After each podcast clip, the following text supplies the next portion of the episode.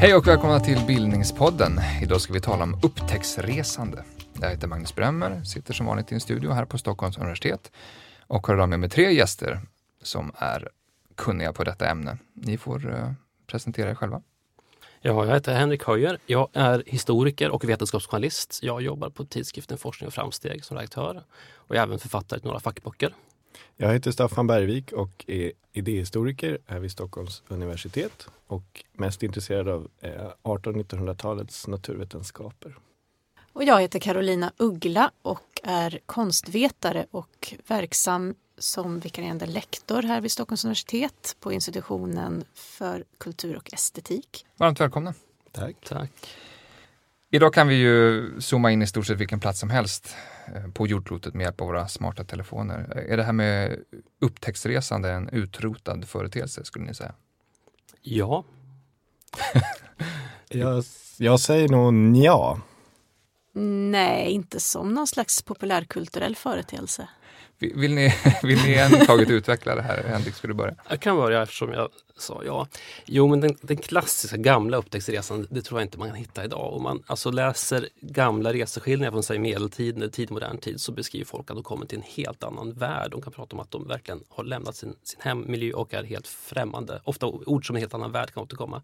Så kan man inte resa idag för jorden är känd, jordytan är känd kan man säga. Och vi kan ju som du säger titta på bilder och, och allt sånt från alla världens hörn. Så i den bemärkelsen så menar jag att den är, är slut. Karolina, du sa nej, du får svara som nummer två. Eh, jag kan ju tycka att idag kan vi ju resa helt utan att förflytta oss från fåtöljen egentligen i väldigt eh, verklighetstrogna och så att säga eh, in, påträngande spelvärldar. Invändningen är ju förstås att dessa världar inte är helt oupptäckta eftersom någon eller några redan har skapat dem. Men för den som spelar så kan det ju ändå upplevas som att man faktiskt upptäcker saker. Eh, sen så finns det ju också väldigt många turister som är intresserade av att eh, upptäcka det oupptäckta, även om det kanske kan vara något av en illusion. Eh, man kan ta företeelser som urban exploration, att man vill eh, upptäcka eh, övergivna byggnader, fabriker, eh, stängda tunnelbanesystem. Eh, och vi ser ju till och med SVTs program eh, Gömda rum till exempel, där man öppnar upp sådana här Försvarsmaktens eh, bunkrar från kalla kriget.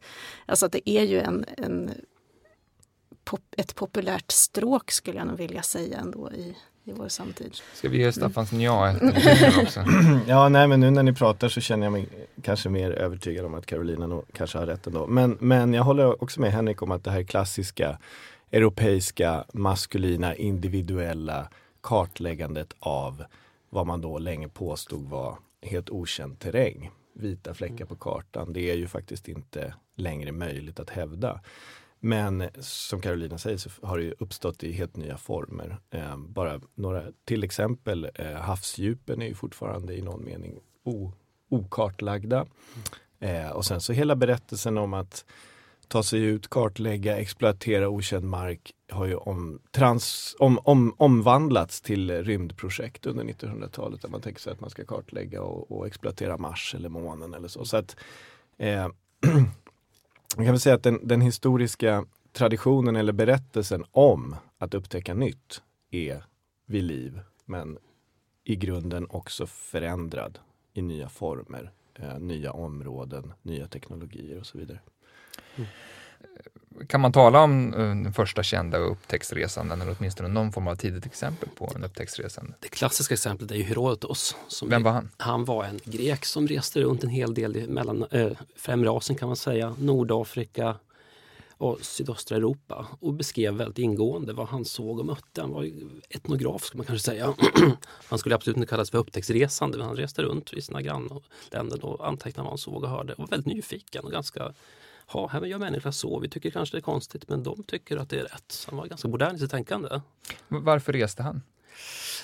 Oj, vet inte exakt. Han var väl kanske nyfiken, kanske handelsman, jag vet inte. Mm, mm.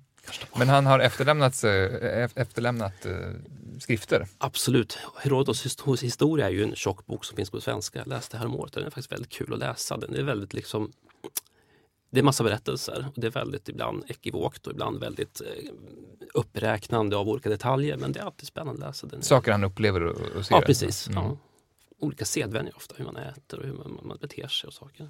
Men är det där, en, är är det där ett mått på kanske hur, hur, hur kända tidiga upptäcktsresan är i den mån de har efterlämnat någonting i, i skrift? Ja, Sverige förstås. En, en hel massa människor har ju rest runt precis som honom och iakttagit saker och inte skrivit ner det. Så man, det har bara försvunnit med historiens glömska. Sverige. Vi vet ju att det har varit stora migrationer i forntiden. vet vi mer och mer om tack vare, tack vare arkeologin idag. Att, så visst, folk har rest. De kanske inte definieras som upptäcktsresande men de har sett nya saker och säkert berättat om det för sina vänner och familjen.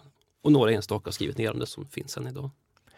Ni var inne lite på definitionsfrågor nu i början, men ska man ändå försöka säga någonting om, om definitionen av upptäcktsresande? Alltså var, i, i, i, I motsats till eh, resande då, som förstås är uråldrigt. Eh, ja, det är väldigt svårt. Jag menar, va, kanske varje historisk period tills, liksom, definierar på ett sätt vad man menar med upptäcktsresande möjligtvis. Eh, men en, en sak som jag i alla fall, som liksom, från ett slags vetenskapshistoriskt perspektiv, eh, man kan framhålla som en, som en första upptäcktsresande period är kanske 1500-talet och den vetenskapliga revolutionen där man liksom i olika sammanhang börja definiera eller börja diskutera det nya kunskapssökandet och att det liksom är en slags ideologisk idé att eh, det nya ligger i att ta sig ut och em- empiriskt titta hur det faktiskt ser ut istället för att sitta i bibliotek och, och liksom skriva om det och faktiskt resa och titta efter. Och då pratar vi liksom 1500-tal, eh, 1600-tal. Så i, ibland hävdas det väl att Kristoffer Columbus 1492 är en sån här liksom, första impuls eh, som sen då blir ett, också ett vetenskapligt upptäckande. Men då, då, då liksom pratar man ju mer om upptäcktsresande med betoning på upptäckt och de, alla de liksom vetenskapsideologiska betydelser som ligger i att upptäcka. Samtidigt var inte Columbus ute för att upptäcka något nytt. Nej. Han ville, ville ju resa till Asien och hamnade in i en, en, en kontinent. Så han har ju efterhand blivit betraktad som upptäcktsresande. Han ville ja. inte vara det. Nej. Han är en ofrivillig upptäcktsresande. Skulle man kunna tänka sig. Ja. Men om man ser det, om man ser det i ljuset av de här liksom, eh, diskussionerna om vetenskapliga verksamheter som uppstår under 1500 och 1600-talet så går det på något sätt att se ja, Columbus som en del av ett sammanhang som växer fram vid just den tiden. Du finns- nämner ju ja. en, en, eh, typ, en, en genre av upptäcktsresande kan man Mm, säga. Vad, mm. vad finns det för andra genrer? Ehm, ja, alltså det finns ju, till att börja med så finns det olika genrer vad man är intresserad av. En del är intresserade av att kartlägga liksom, handelsvägar eller geografin, den naturgeografin. Andra har ju under historiens gång varit intresserade, ungefär som Herodotos, alltså mer etnologiska eller ja, eh, studera liksom främmande kulturer. Sen finns ju naturligtvis alla möjliga typer av intressen att göra det, rent ren kunskapsframställning men också naturligtvis ekonomiska motiv. Att hitta naturresurser som man kan exploatera. Eh, politiska, geopolitiska maktsträvanden att lägga, lägga territorier under sig och säga, säga att det här, är, det här är Storbritanniens område eller det här är Frankrikes område eller så. Det är ju också en jätteviktig, eh, ett jätteviktigt motiv för eh, upptäcktsresandet i den här klassiska meningen liksom från, från då, eh, ja, fram till slutet på 1800-talet egentligen. Jo, den tidiga moderna tiden präglas ju ofta av den transatlantiska handeln som Ja. växer fram. Att man, det handlar om att hitta handelsvägar. Sjöfarten tog sin form med tremastare som kunde gå över oceaner Mm. och folk började resa till all världens länder från, Mm. från Europa. Så det var en förutsättning ofta att Ja. man sökte handelsvägar. Nej, men jag tror att det är, precis, det är viktigt att inskärpa liksom, eh, kopplingen mellan upptäcktsresande och kanske man kan säga globalisering i Mm. olika historiska perioder. Alltså det finns en slags tidig globalisering då i den här 1500-1600-tals meningen och sen så, som fortsätter och sen så 1800-talets väldigt så imperialistiska globaliseringstendenser när Europas stormakter lägger allt större delar av världen under sig. Så den, den liksom maktdimensionen av upptäcktsresande är jätteviktig att framhålla. Carolina, du som eh, är konstvetare som har intresserat dig för, för kartläggning. Hur, hur, varför eh, blev man så fascinerad av kartläggning eh, i 60-70-talets konst? Dels har det ju att göra med ett, ett omdefinierat konstbegrepp, att man ger sig bort ifrån ateljén. Man mö- möter sådana frågeställningar som hur, hur kan jag sitta här i min ateljé och måla när hela världen står i brand? Eh, konsten har inte råd att fortsätta vara provinsiell. Och man har ju också då eh, sådana föreställningar om att hela världen är nåbar för alla överallt. Hela världen är medialiserad. Man kan nästan bokstavligt eh, se framför sig ett jordklot med eh, kommunikationskanaler uppritade över, över hela klotet. Så att man, eh, man talar ju om såna här medieteoretiker som Marshall McLuhan till exempel som kunde svänga sig med begrepp som the global village. Alltså att vi är så att säga inte eh, vi är inte riktigt ensamma i vår lilla enklav utan vi kan ha lika mycket gemensamt med någon eh, på andra sidan jordklotet som vi har med vår granne. Eh, kommunikationsteknologin gör det här möjligt och det var ju en väldigt utopisk sak förstås eftersom det, det, var ju egentligen inte så att alla var lika uppkopplade som personer i västvärlden till exempel, så, så som det egentligen fortfarande är. Ehm, man har också Apollo-projektens fotograferingar av jordklotet utifrån som gör väldigt mycket för hur man ser på sig själv i världen. Och det sker ju också någonstans i slutet av 60-talet, tidiga 70-talet. De har ju olika namn de här. Eh, Earthrise till exempel. Eh, man befinner sig på månen och ser jorden gå upp som, ungefär som en, som en sol, fast det är då jordklotet. En ganska hisnande upplevelse som ligger väldigt nära ändå i tid för oss. Mm. Mm. Samtidigt kan man ju, man kan ju liksom, eh, beskriva ett, ett, ett, ännu större historiskt sammanhang. Precis som du säger att, att efter andra världskriget så är det ju inte längre möjligt att ha den här koloniala förståelsen av andra delar av världen eftersom de stora historiska händelserna hade på olika sätt liksom gjort det omöjligt för europeer att betrakta eh, andra delar av världen på det sätt som man hade gjort under 1700-1800-talet. Eh, så att i det, i det avseendet så kanske konstnärerna också liksom hakar i en större kulturell diskussion om eh, liksom, vad är olika delar av världen och hur ser, hur ser maktrelationerna där ut? Liksom. Eh, samtidigt som liksom, de gamla kolonierna avkolonialiseras. Och så.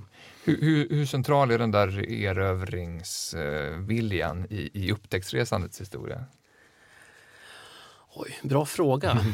Alltså de tidiga, om man pratar om resenärer som ändå upptäckte saker om man tar medeltiden var ju Europa svagt och låg på kanten av en stor kontinent där Asien dominerade handeln och rikedomen. Det var Asien det fanns rikedomar, mycket folk och sånt där. Europa kändes som en liten, liten del av det här. Och man, de som reste dit var för att undersöka vad som fanns och var ofta väldigt imponerade och insåg att man var bara en liten, en liten del av det här.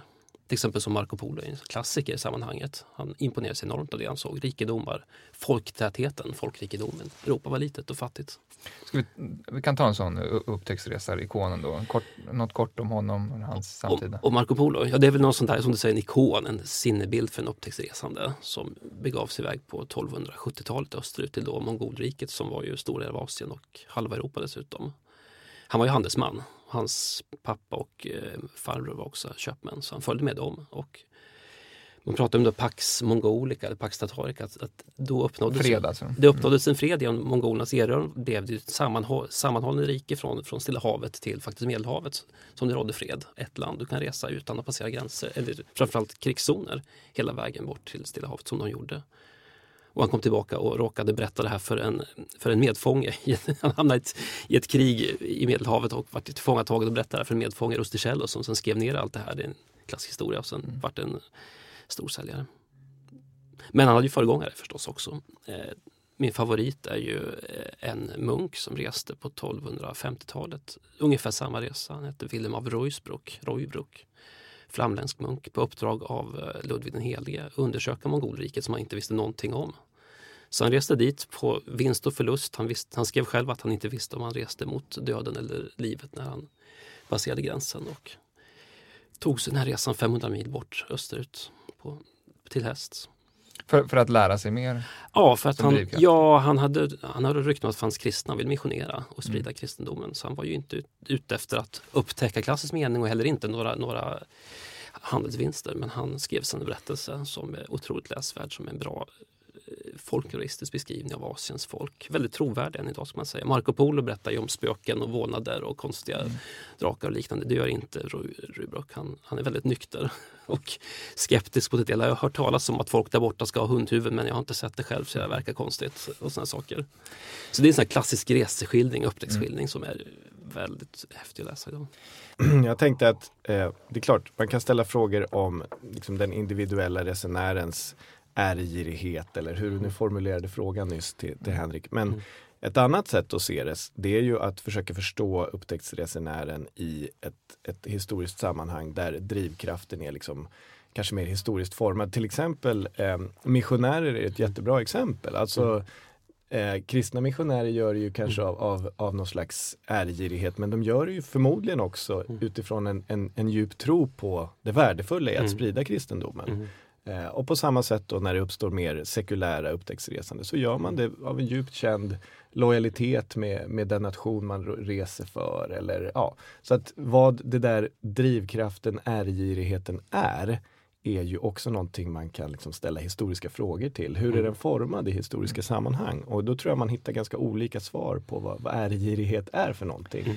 Men så här då, historiskt sett är det ju åtminstone en utpräglat manlig genre. Absolut. Och med också någon slags eh, diffust machoideal kopplat till det Absolut. där. Inte alltid så diffust heller faktiskt. Eh, kan du alltså, Det, det behövdes nog sånt för att Nej. resa på den tiden. Det behövdes nog en machoideal för att resa på den tiden. Mm, det så var ju- tidigt som du talade om. Ja, Mm. det måste ju vara otroligt tufft tycker jag att resa för Ja absolut. Ja, men 500 mil umbäran- för 700 år sedan, 800 år sedan. Men uttalade macho eller manlighetsideal? Ja, men, um, det, är, det är såklart viktigt att komma ihåg att umbärandena är ju, är, är ju enorma. Det fanns ju liksom inte, inte jeepar och flygplan och helikoptrar och så eh, som, som det gör idag. Men, men eh, machoidealen är ju, är ju också någonting som kommer till i upptäcktsresandens beskrivning av sina umbäranden. Alltså det är ju en, en helt central del av, av berättelsen om upptäcktsresanden och upptäcktsresandens egen beskrivning av sig själv. Eh, De är ofta skrivande också. Ja precis, i böcker, i, eh, liksom i, i offentligheten när den formas då eh, i det moderna samhället så, så är ju liksom en, en ständigt återkommande del av berättelsen är den kroppsliga umbärandet, kölden, törsten, hungern, eh, farorna, de vilda liksom, lokalbefolkningen, de vilda djuren. Allt sånt där är ju i grund och botten en, en väldigt manligt kodad berättelse. Så att eh, manlighetsideal måste alltid liksom ses som en del av upptäcktsresandens. Var, var finns eh, kvinnorna i den mm, upptäcktsresandets historia?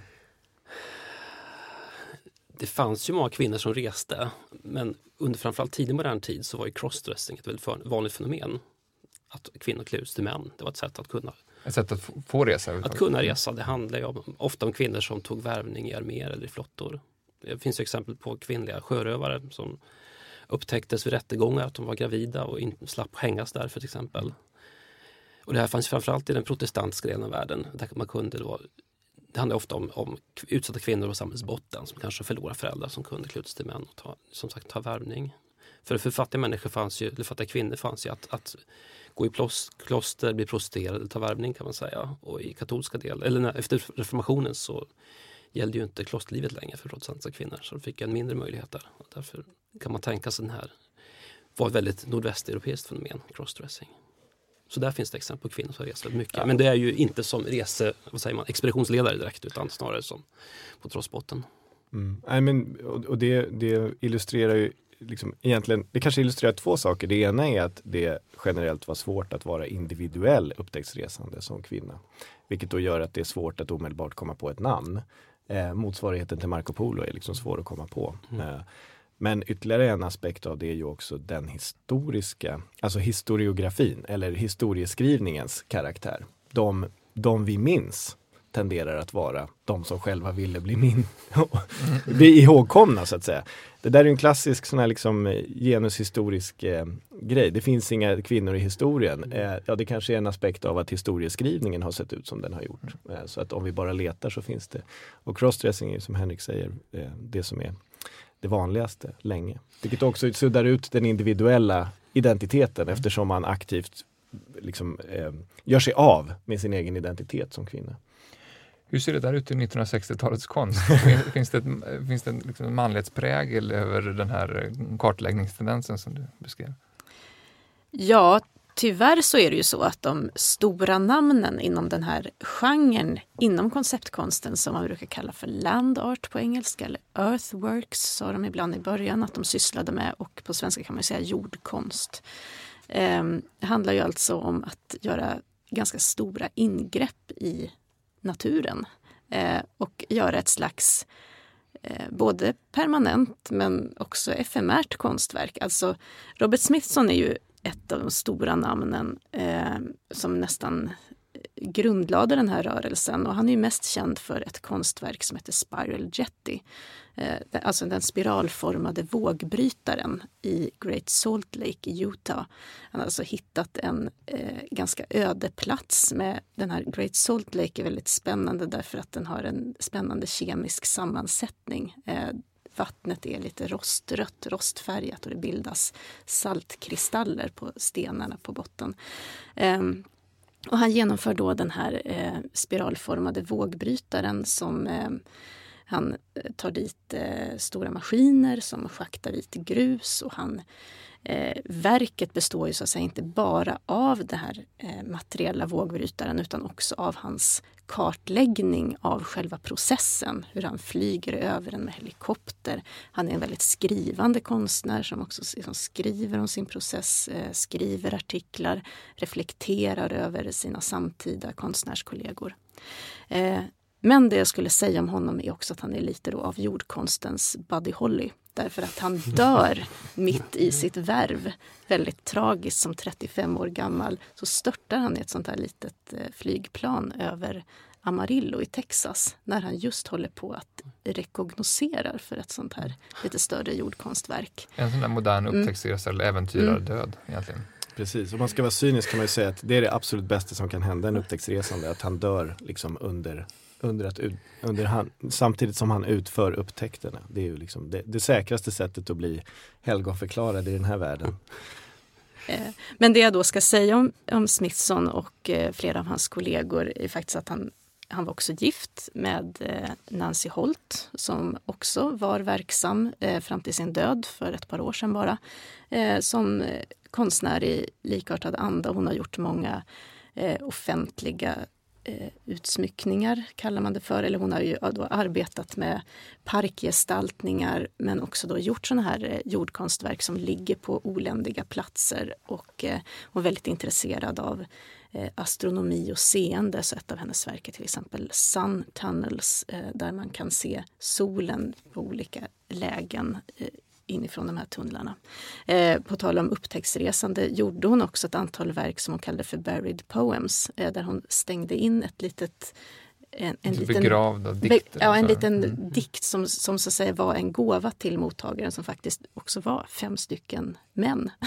Eh, bland annat hennes make Robert Smithson, Michael Heitzer som ju också var en, en av de här stora. Han, han målade med bulldozer snarare än med palett som de brukar säga.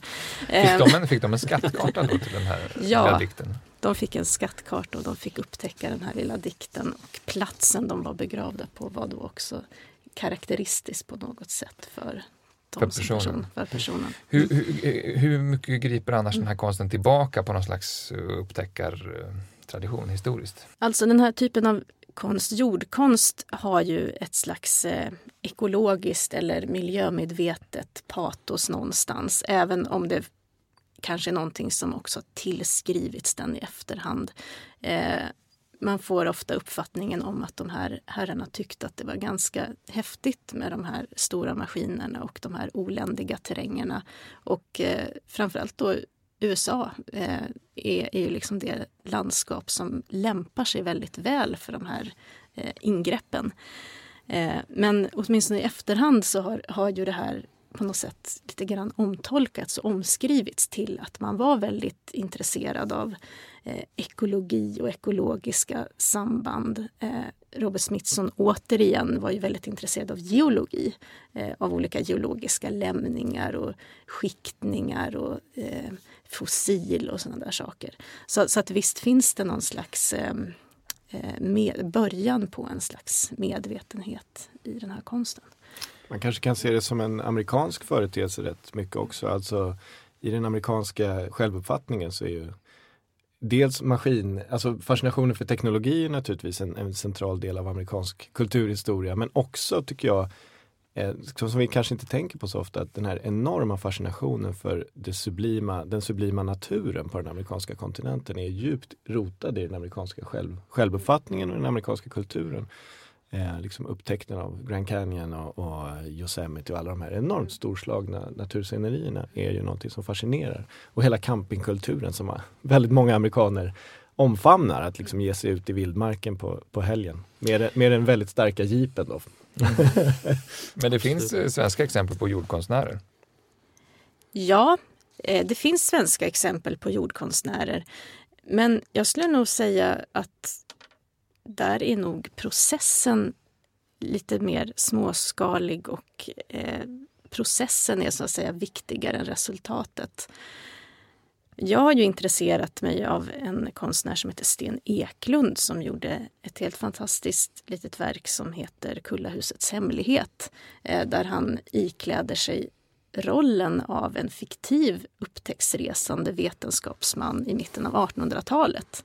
Eh, JMG Palén, som ju aldrig har funnits. Men han, han gör så att säga en, eh, ett, en kapsel med ett antal illustrationer och en reseberättelse om hur den här JMG Palén upptäckte en helt okänd plats djupt in i de småländska skogarna. Och det här var en plats som var omgärdad av ett mystiskt magnetfält.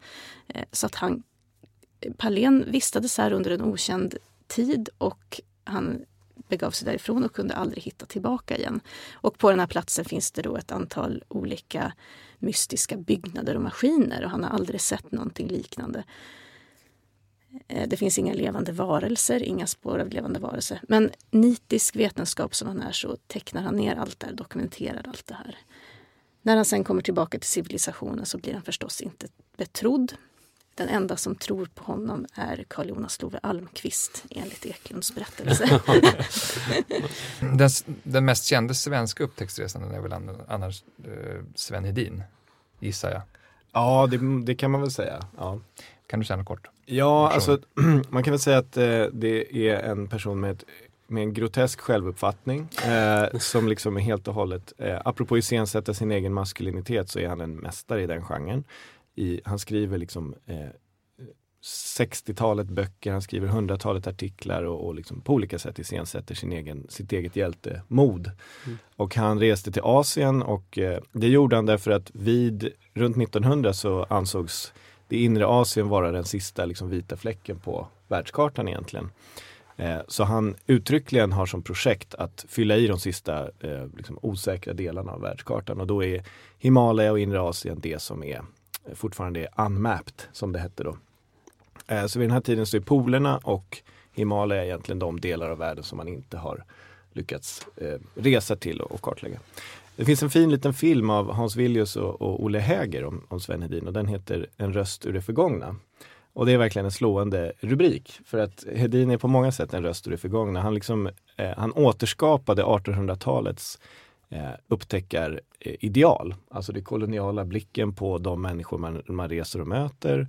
I en väldigt stark nationalism, svensk stornationalism. Eh, eh, och, och också den här in, liksom individuella eh, upptäckarresan, resande. Samtidigt som han verkade i en tid när geografiforskningen omvandlades helt och blev en allt mer professionell verksamhet. Och andra geografer försökte kasta av sig det här historiska arvet och istället förvetenskapliga det geografiska studiet eh, och göra det liksom mer vetenskapligt robust. Så Hedin är verkligen verksam i en slags brytningstid där den manliga äventyraren lever kvar men samtidigt är under stark omförhandling. Så på det sättet är han en av de sista i den här klassiska meningen, eh, ja, eh, den här klassiska bilden av upptäcktsresaren som ensam i djungeln liksom med tropikhjälm och, och ja. Och, och, och, han var verksam från De första, han, gjorde, han gjorde fyra expeditioner till Asien och den första var på 1890-talet och den sista var på 1920-talet. Apropå det geografiska, hur utövade han det på sina resor? Alltså han, han släpade med sig enorma mängder eh, instrument och utrustning som, som då de lokala eh, eh invånarna fick bära åt honom såklart. Det var en del av, av maktstrukturen där. Då. Men, men det var en, en väldigt, för tiden ganska avancerad vetenskaplig apparatur. Eh, kameror, eh, anteckningsblock, eh, olika typer av, av frams, alltså tekniker för att framställa geografin. helt enkelt. Så han målade, antecknade, skrev, fotograferade eh, maniskt varje dag. Eh, liksom hundratals observationer varje dag hela tiden. Och vilket han också då nog, nogsamt betonade för läsaren av böckerna hur, hur liksom vetenskapligt det här var. Eh. Han blev ju också oerhört berömd i sin tid. Ja, Eh, vad, hu- hu- hur arbetade han själv för att alltså det, förstärka den där serialiteten? på ett sätt kan man ju säga att han hade ju förutsättningar eftersom det vid den här tiden fanns en slags vetenskaplig offentlighet där vetenskapsmän i bredare mening hyllades väldigt ofta och blev liksom publika personer. Sådär. Men samtidigt så finns det också väldigt tydliga exempel på hur han extremt konkret gjorde. Skickade telegram till The Times från, från Tibet och sa nu har jag upptäckt den här sjön eller nu har jag lodat djupet här och sådär. Eh, hoppas ni tar in det. Och, och systern satt hemma i Stockholm och skrev hundratals brev till olika tidningar. Nu har Sven gjort det, nu har Sven gjort det. Vad kan vi få betalt för liksom en, den här korta artikeln om, om det och sådär. Så det, Ett helt PR-maskineri. ett helt PR-maskineri och eh, också del av ett mediesystem vid den här tiden som vi kanske har glömt lite. Vi tror liksom att, att vår samtid är helt genommedialiserad men det gäller faktiskt också 1800-talet som, i, som, som faktiskt är eh, ja, de här upptäckarliven är väldigt medialiserade. Inte bara Hedins men också hans.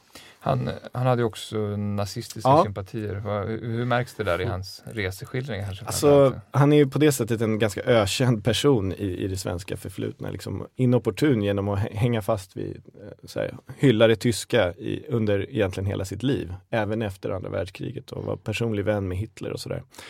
Eh, och den sista svensken som adlas. Eh, det kanske inte syns så himla tydligt i reseskildringarna just det nazistiska, de nazistiska sympatierna. Men det som verkligen syns är det storvulet nationalistiska. Att Sverige ska vara en, en liksom global stor kunskapsmakt. Och eh, hade väldigt nära kontakter med svenska kungahuset som ju också var väldigt konservativa vid den här tiden. Sådär. Så att eh, just den nazistiska ideologin kanske inte syns men hela det, det liksom europeiska tänkandet om den stora stolta nationella historien eh, som ska gå segrande genom historien, det syns rätt mycket i, i, också i reseskildringarna. Eh, och sen så är det ju i reseskildringarna är det hela tiden återkommande hur han som europé då har en vetenskaplig blick på landskapet medans de lokala människor som han, som han stöter på och reser med förstår liksom inte helheten. De har, de har djupgående kunskaper om kanske en dalgång i Himalaya men de ser inte Himalaya som en stor struktur. Det är det som är liksom Hedins bidrag. Var han intresserad av människor eller var han intresserad av naturgeografi i första hand? Eh, nej, han var intresserad av, av både och skulle jag säga. Böckerna är fulla av, av beskrivningar, fotografier, illustrationer också på människor. Och i den sista expeditionen handlar mycket om arkeologi, kinesisk arkeologi och så. Mm. Eh, den sista, sista expeditionen är lite intressant eftersom han förbjöds att färdas själv då med svenska vetenskapsmän av de kinesiska myndigheterna. Eh, på 20-talet så är liksom Kina en ganska stark nation i sig. Så då får han omförhandla kontraktet för att, Mm. för att få färdas i Kina och tvingas då, inom citationstecken, tvingas ta med kinesiska arkeologer och geografer och botaniker och så. Så det kanske är ett, ett, ett exempel på hur, apropå det vi pratade om tidigare om att de här koloniala relationerna är delvis omförhandlade framåt mitten av 1900-talet. Mm. Det är inte längre möjligt för en europé, europé att åka till Kina och slå sig ner och, och göra utgrävningar och sen ta med sig eh, benrester och, eh, och eh, krukor hem utan att be om lov. Så, vilket hade varit väldigt vanligt tidigare då. Mm. Har, har också en upptäcktsresande alltid varit eh, privilegierade personer eh, i någon överklassbemärkelse? Bra fråga. Jag tänker på de jag har tittat på längre tillbaka. Så ordet privilegierad är ju svårt att... Alltså det, det var väldigt, väldigt hårda liv de levde skulle jag säga. Även ifall de säkert själva, en del drev upp det här machoidealet Mm. du pratade om. Men jag kan inte låta bli att idag tänka på hur det var att, vara, att göra de här resorna de gjorde för så länge sedan. Jag har rest själv i Centralamerika och kört jeep med aircondition och automatväxt och tyckte det var ganska jobbigt när det är 40 grader varmt. och de, folk som gick här vid saker på liksom bar massa kilo i den otroliga hettan, det måste vara inte så privilegierat. Mm. Tänk, Man måste ha tar- lidit så Man tar fruktansvärt. sån här uh, Vasco da Gama, Marco Mm. Polo och de här Mm. olika namnen. Va, va, ser man någon, någon trend i vilken typ av person eh, det är? Var, varifrån de kommer och vilken sammanställning och så vidare? Om man skulle svara lite mer indirekt och, och göra liksom en bredare vetenskapshistorisk beskrivning, då skulle man ju säga att, att eh, från att ha varit ett liksom ganska aristokratiskt projekt, eh, 1600-1700-tal Mm. sådär, eh, ändå väldigt, i, i, i, det land de reser från är de ändå en privilegierad grupp. Eh, och det hänger också ihop med själva frågan om vad kunskapens status är. Vem kan man tillskriva tillit? Alltså det handlar ju om att få en rapport från ett avlägset hörn av, av världen. Kan vi lita på att det finns människor med hundhuvud eller kan vi inte lita på det? Och då kommer den sociala statusen in i bilden. Eh, på 1600-talet hade man långtgående diskussioner om vem man kan lita på och inte och då är den sociala, här, sociala eh, härkomsten så att säga ett centralt eh, eh, kriterium för det här är en adelsman eller det här är liksom en fri borgerlig man. Den kan vi lita på. Men någon som arbetar för någon annan kan vi inte lita på för det, då kan vederbörande ha liksom eh, in, bakomliggande intressen som, som stör observationen så att säga. Eh, så jag skulle nog säga att det är privilegierade människor även om det är jobbigt i fält. Eh, Ja. så. Det krävs definitivt resurser för att kunna göra sådana Mm. resor, vare sig det är upptäcktsresor eller andra resor. Ja. Så är det förstås. Hur, hur, hur pass fria aktörer är de, eh, alltså i motsats till eh, liksom kontrakterade av en nation eller en monarki? Alltså det beror nog på vilken, vilken historisk period man pratar om. Min, min bild är att eh, eh, många har ju varit såklart i, i, eh, i, i ledband hos kungamakter eller eh, imperier med, med globala maktaspirationer liksom, eh, och sådär. Sen finns ju under 1800-talet en sån som Hedin till exempel kan ju faktiskt försörja sig tack vare sin mediala publika persona. Sådär. Eh, sälja, sälja texter, eh, sälja biljetter till föreställningar etc. etc. Och, så då, då finns ju en slags fri, eh, fri ja, äventyrare på något sätt. Mm. Fanns det inte ett väldigt, väldigt intresse hos vanligt folk för de här upptäckterna han gjorde? Enormt stort Ja. intresse, enormt, fullständigt, alltså, fullständigt häpnadsväckande. Bara som en, som en illustration, så när han kom hem från en av expeditionerna 1909 så föreläste han för 4000 studenter på Sorbonne i Paris. 4000 studenter vid en föreläsning. Mm. Och liksom massor, och när han kom hem till Stockholm så var- står det 10 000 människor på kajen i Stockholm och vinkar till honom från båten som han kommer med. Så att det här är verkligen ett, ett stort publikt fenomen. Liksom, Han tiden. var världskänd också. Ja, kanske. världskändis, absolut. Om man tänker eh, bara kartan som en egen konstnärlig genre, eh, Carolina, kan man säga någonting om, om den historien? Alltså i min forskning har jag ju faktiskt ut, jag forskar ju om det sena 1900-talet och samtidskonsten men jag har ändå utgått ifrån en eh, definition gjord av en forskare som heter Svetlana Alpers som skriver om det nederländska 1600-talsmåleriet. Och hon tycker sig se en mapping impulse, alltså en kartläggningsimpuls som man översätter det, eh, i det här måleriet. Och vi vet ju själva ungefär hur det ser ut i de här eh, skildringarna av Jan Vermeer till exempel. Men Flickan med va? Ja, till exempel. Man, tyck, man tycker sig se mycket interiörer, eh, bilder av det lilla livet. Eh, men vi ser faktiskt eh, ofta också eh, kart, kartor på väggen i interiörerna. Så att kartan finns med där i en målning som eh, konstnären i sin studio till exempel, där man då ser ryggen på konstnären som håller på att måla av en, en modell. Hon är utklädd till eh, musan Clio, alltså historiens musa. Eh, och på väggen finns det då en, en karta över den kända världen. Och Nederländerna var ju då en eh, handelsnation. Man höll på att lägga under sig stora delar av eh, världen genom rent, rent ekonomiska medel. Och eh, kunskap och information om världen var ju så att säga makt. Och det visar man upp genom de här kartorna som också är väldigt kostbara föremål. Eh, alltså förfinade av, av de, de främsta eh, konstnärerna. Och man kan ju då se att eh, det, fanns egentligen väldigt, det var egentligen väldigt flytande gränser mellan eh, kartan och konstverket. Om man också ser på den typen av landskapsmåleri som, som eh, fanns i Nederländerna vid den här tiden så, så var det väldigt beskrivande. Man, man hade hela tiden en slags informationsaspekt med sig i, i måleriet. Så, så möjligtvis är våran dagens uppdelning mellan konstbild och kartbild eh, en historisk eh, tillfällighet. Någonting som inte är representativt för väldigt många andra eh, delar av historien. Tidigare kartor hade ju också en väldigt symbolisk funktion. Om ni känner till de här TO-kartorna. Nej, det får du beskriva vad det är. Men Under medeltiden var ju kartbilden helt som ett O med ett T i. Och då över T har du hela Asien och sen har du Europa och Afrika som är lika stor som, tillsammans lika stort som Asien. Och det här låg ju i Jerusalem i mitten. Det här ju symbolisera världens, världsalltet. Mm. Men det var ju inte mycket att navigera efter. det var ju en bild av jord i harmoni. Sen kom då portolankartor som det kallas för senmedeltiden som var mer gjorda för sjömän att ja, börja se hur Afrikas kust tedde sig när man började segla längre och längre på 1400-talet efter Afrikas kust. Så det är både, både en historia om hur man ville att världen skulle se ut och hur ja. den faktiskt såg ut precis, efter man hade Det har ju annars varit väldigt trendigt att inreda med kartor eh, på senare tid. Eh, vad säger det där om, om, om vår egen tid? Ja, eftersom jag är intresserad av vår visuella omgivning så, så kan jag tycka att det är intressant. Jag tror att det finns en slags eh, vetenskapsnostalgi eller kunskapsnostalgi med tanke på att de flesta kartor vi använder oss av idag finns i mobilen eller på datorn.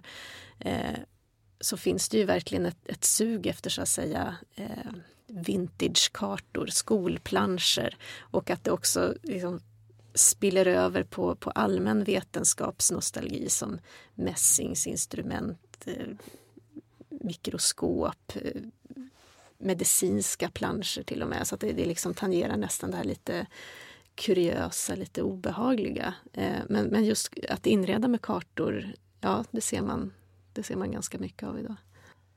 Men också mm. själva alltså estetiseringen av, av kartor är ju som vi sa, eh, här, har ju den här längre historien så att det är möjligt att det, det går att hitta sådana förklaringar till det också. Att gränslinjen mellan karta och konst alltid har varit väldigt eh, otydlig. Liksom. Eh, under 1800-talet så är det ju, så är ju liksom, eh, karta och eh, geografer som, som har kunskapsanspråk använder lika mycket målningar som, som kartor och de liksom hela tiden överförs i varandra och går in i och ut ur varandra. Och så. Så att, eh, ja. Eh, tusen tack eh, Karolina, Staffan, Henrik för att ni ville vara med i Bildningspodden. Tack också för att ni har lyssnat. Ni kan som vanligt gå in på bildningspodden.se, höra fler avsnitt och också följa oss på sociala medier för framtida avsnitt. Tack och hej! Du har lyssnat på Bildningspodden, en podcast från humanistiska fakulteten vid Stockholms universitet. Producerad av Magnus Bremmer och Claes Ekman. Podden spelas in på Språkstudion och tekniker är Henrik Nordgren.